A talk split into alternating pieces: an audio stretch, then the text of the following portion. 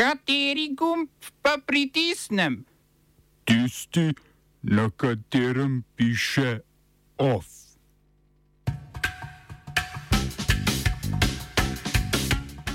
Gazprom napovedal novo zmanjšanje dobave plina po severnem toku.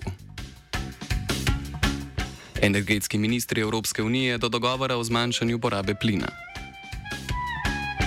Tunizijski predsednik Sajed slavil na ustavnem referendumu. Indija ostro proti sodelovanju tretjih držav v kitajsko-pakistanskem gospodarskem koridorju. V kulturnih novicah te in one igre v galeriji Društva likovnih umetnikov.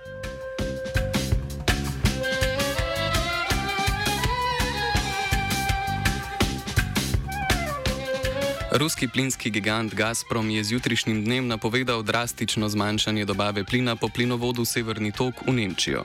Plinovod bo obratoval z 20-odstotno kapaciteto, dnevno bo v Nemčijo dovažal okoli 33 milijonov kubičnih metrov plina, kar predstavlja polovico trenutne dobave.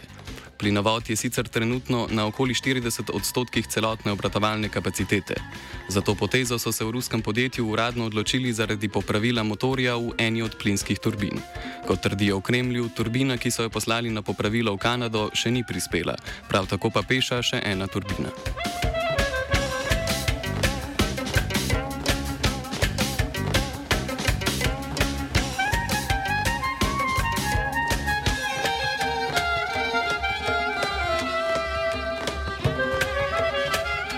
Bruslju so se na izrednem zasedanju sestali ministri za energetiko držav članic Evropske unije, med njimi je tudi slovenski minister Bojan Kumar.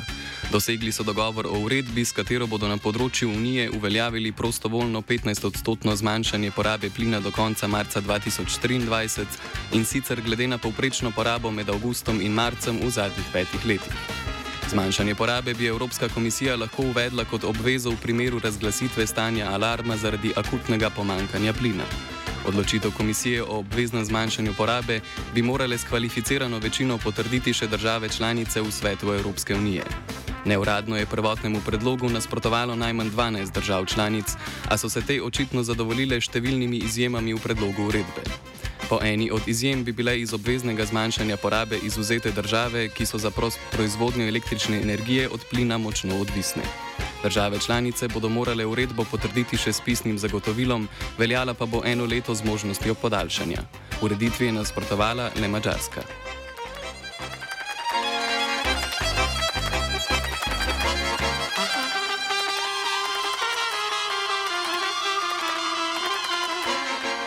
Tunizijski predsednik Kajs Sajet je pričakovano slavil na ustavnem referendumu, na katerem so voljivci odločali o dodatnem povečanju pooblastil predsednika. Volilna udeležba je bila nizka, referenduma se je namreč udeležila dobra četrtina volilnih upravičencev. Več kot 90 odstotkov udeležencev referenduma je sicer glasovalo za ustavne spremembe. V razklanji opoziciji spremembam ustave ostro nasprotujejo, pred referendumom so organizirali nekaj protestniških shodov. Del opozicije je menil, da bi bilo treba referendum bojkotirati in igrati na strune nelegitimnosti referendumske odločitve, preostali pa so trdili, da se je da se je treba referenduma udeležiti in spremembam ustave nasprotovati z glasovanjem. Spremembe ustave tunizijski politični sistem iz polpredsedniškega spreminjajo v predsedniškega. Vloga parlamenta, ki ga je Sajet lani razpustil, bo v novem sistemu še dodatno omejena.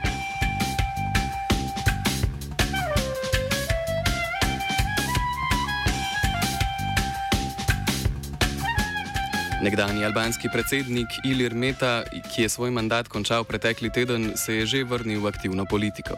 Ponovno se je pridružil socialističnemu gibanju za integracijo, ki ga je leta 2004 po izstopu iz socialistične stranke Albanije tudi ustanovil. Socialistično gibanje za integracijo ima trenutno sicer štiri opozicijske poslance v 140-članskem parlamentu. Pred parlamentom je predtem že prisegel naslednik Mete na predsedniškem stolčku, novi albanski predsednik je postal Bajram Begaj.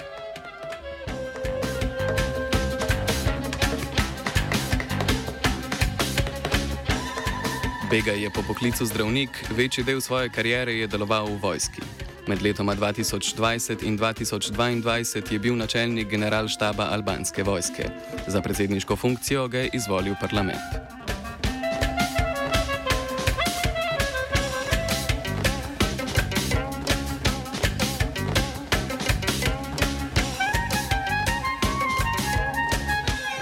Danes bodo otvorili Pelješki most, s katerim je Hrvaška dosegla svojo teritorijalno kontinuiteto. Most povezuje celinsko Hrvaško s polotokom Pelješac, s tem pa turistom in prebivalcem severa ne bo potrebno prečiti Neuma, ki je del Bosne in Hercegovine. Most je dolg 2404 metre, skupaj z gradnjo upadnic pa je projekt težak več kot 550 milijonov evrov. Okoli 65 odstotkov sredstev so prispevali skladi Evropske unije. Most je projektiral Marjan Pippenbacher, dela pa je izvajal kitajski megagradbinec China Road and Bridge Corporation.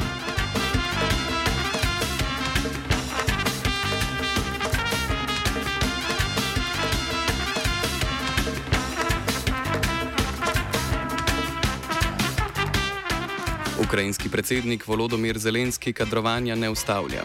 Imenoval je novega poveljnika za specialne operacije v regijah Donetsk in Lugansk. Do sedaj je to funkcijo opravljal general-major Hirohi Halahan, zaradi velikih teritorijalnih izgub pa ga bo na funkciji zamenjal Viktor Horenko.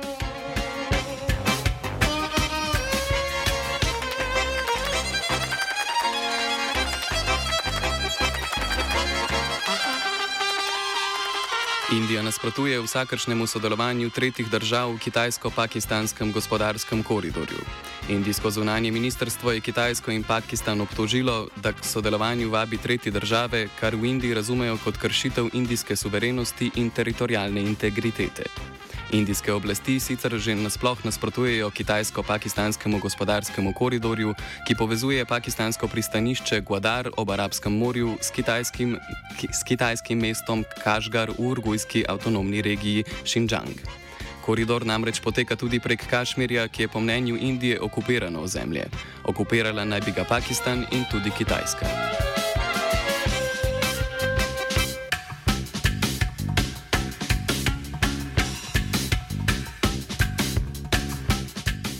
Indijsko ministrstvo za okolje, gozdove in podnebne spremembe je napovedalo, da za gradnjo avtocest manj kot 100 km od meja države oziroma od linije nadzora ne bo več potrebno okoljsko dovoljenje. Svojo odločitev so na ministrstvu utemeljili z obrambnim in državnovarstvenim pomen, pomenom obmejnih območij. Vse podrobnosti še niso znane, med drugim ostaja nejasno, ali se nova ureditev tiče zgolj kopenskih ali tudi morskih meja. Če bi novo ureditev implementirali za obe vrsti meja, na okoli 35 odstotkih površine države za avtocestne projekte ne bi bilo več potrebno pridobiti okoljskega dovoljenja, kar bi lahko vplivalo, vplivalo ne samo na gozdove, pač pa tudi na ostale naravne habitate, med drugim naprimer na stepske pašnike, mokrišča in na obaljne ekosisteme.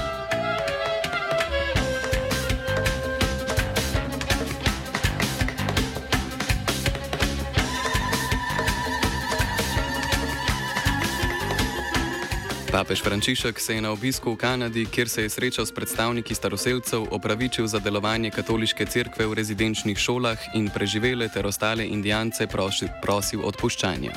Dejal je, da mora opravičilu nujno slediti resna preiskava dejanj cerkvenih struktur. Več kot 150 tisoč otrok staroseljcev je bilo v obdobju od okoli leta 1880 do leta 1990 prisiljenih v obiskovanje šol za prevzgojo. Učenci so bili ločeni od svojih družin, poleg prisilne asimilacije so bili pogosto fizično, psihološko in spolno zlorabljeni, več kot 6000 otrok je v času šolanja tudi umrlo. Rezidenčne šole je sicer financirala kanadska vlada, a so jih v upravljanje dobile različne krščanske cerkve.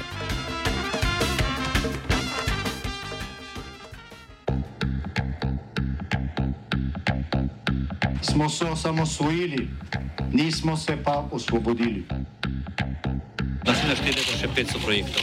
Izpiljene modele, kako so se strani nekdanje LDS rotirali. Ko to dvoje zmešamo v pravilno zmes, dobimo zgodbo o uspehu. Takemu političnemu razvoju se reče udar. Jaz to vem, da je nezakonito, ampak kaj nam pa ostane? Brutalni obračun s politično korupcijo. To je Slovenija, tukaj je naša zemlja, to je Slovenija, Slovenija.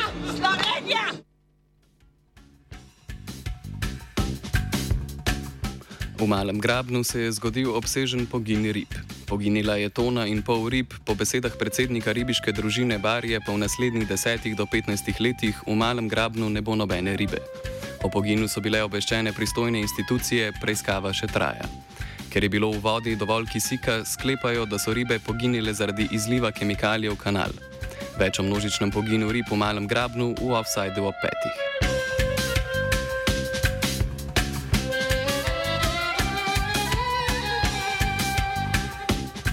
Piratska stranka se je na kongresu odločila, da bo na jesenskih predsedniških volitvah podprla Natašo Pirc Musar. Na kongresu so se za podporo Pirc Musar odločili zaradi njenega delovanja na področju varstva osebnih podatkov, varstva človekove zasebnosti in javnega interesa na področju dostopa do informacij javnega značaja. Med letoma 2005 in 2014 je namreč delovala kot informacijska pooblaščenka. V stranki socialnih demokratov pa za zdaj še nimajo svojega kandidata za predsedniško bitko. To je postalo jasno po včerajšnji seji predsedstva stranke. Evropski poslanec in nekdani predsednik državnega zbora Milan Brgles je ponudbo za kandidaturo doslej zavračal in jo zavrnil tudi tokrat.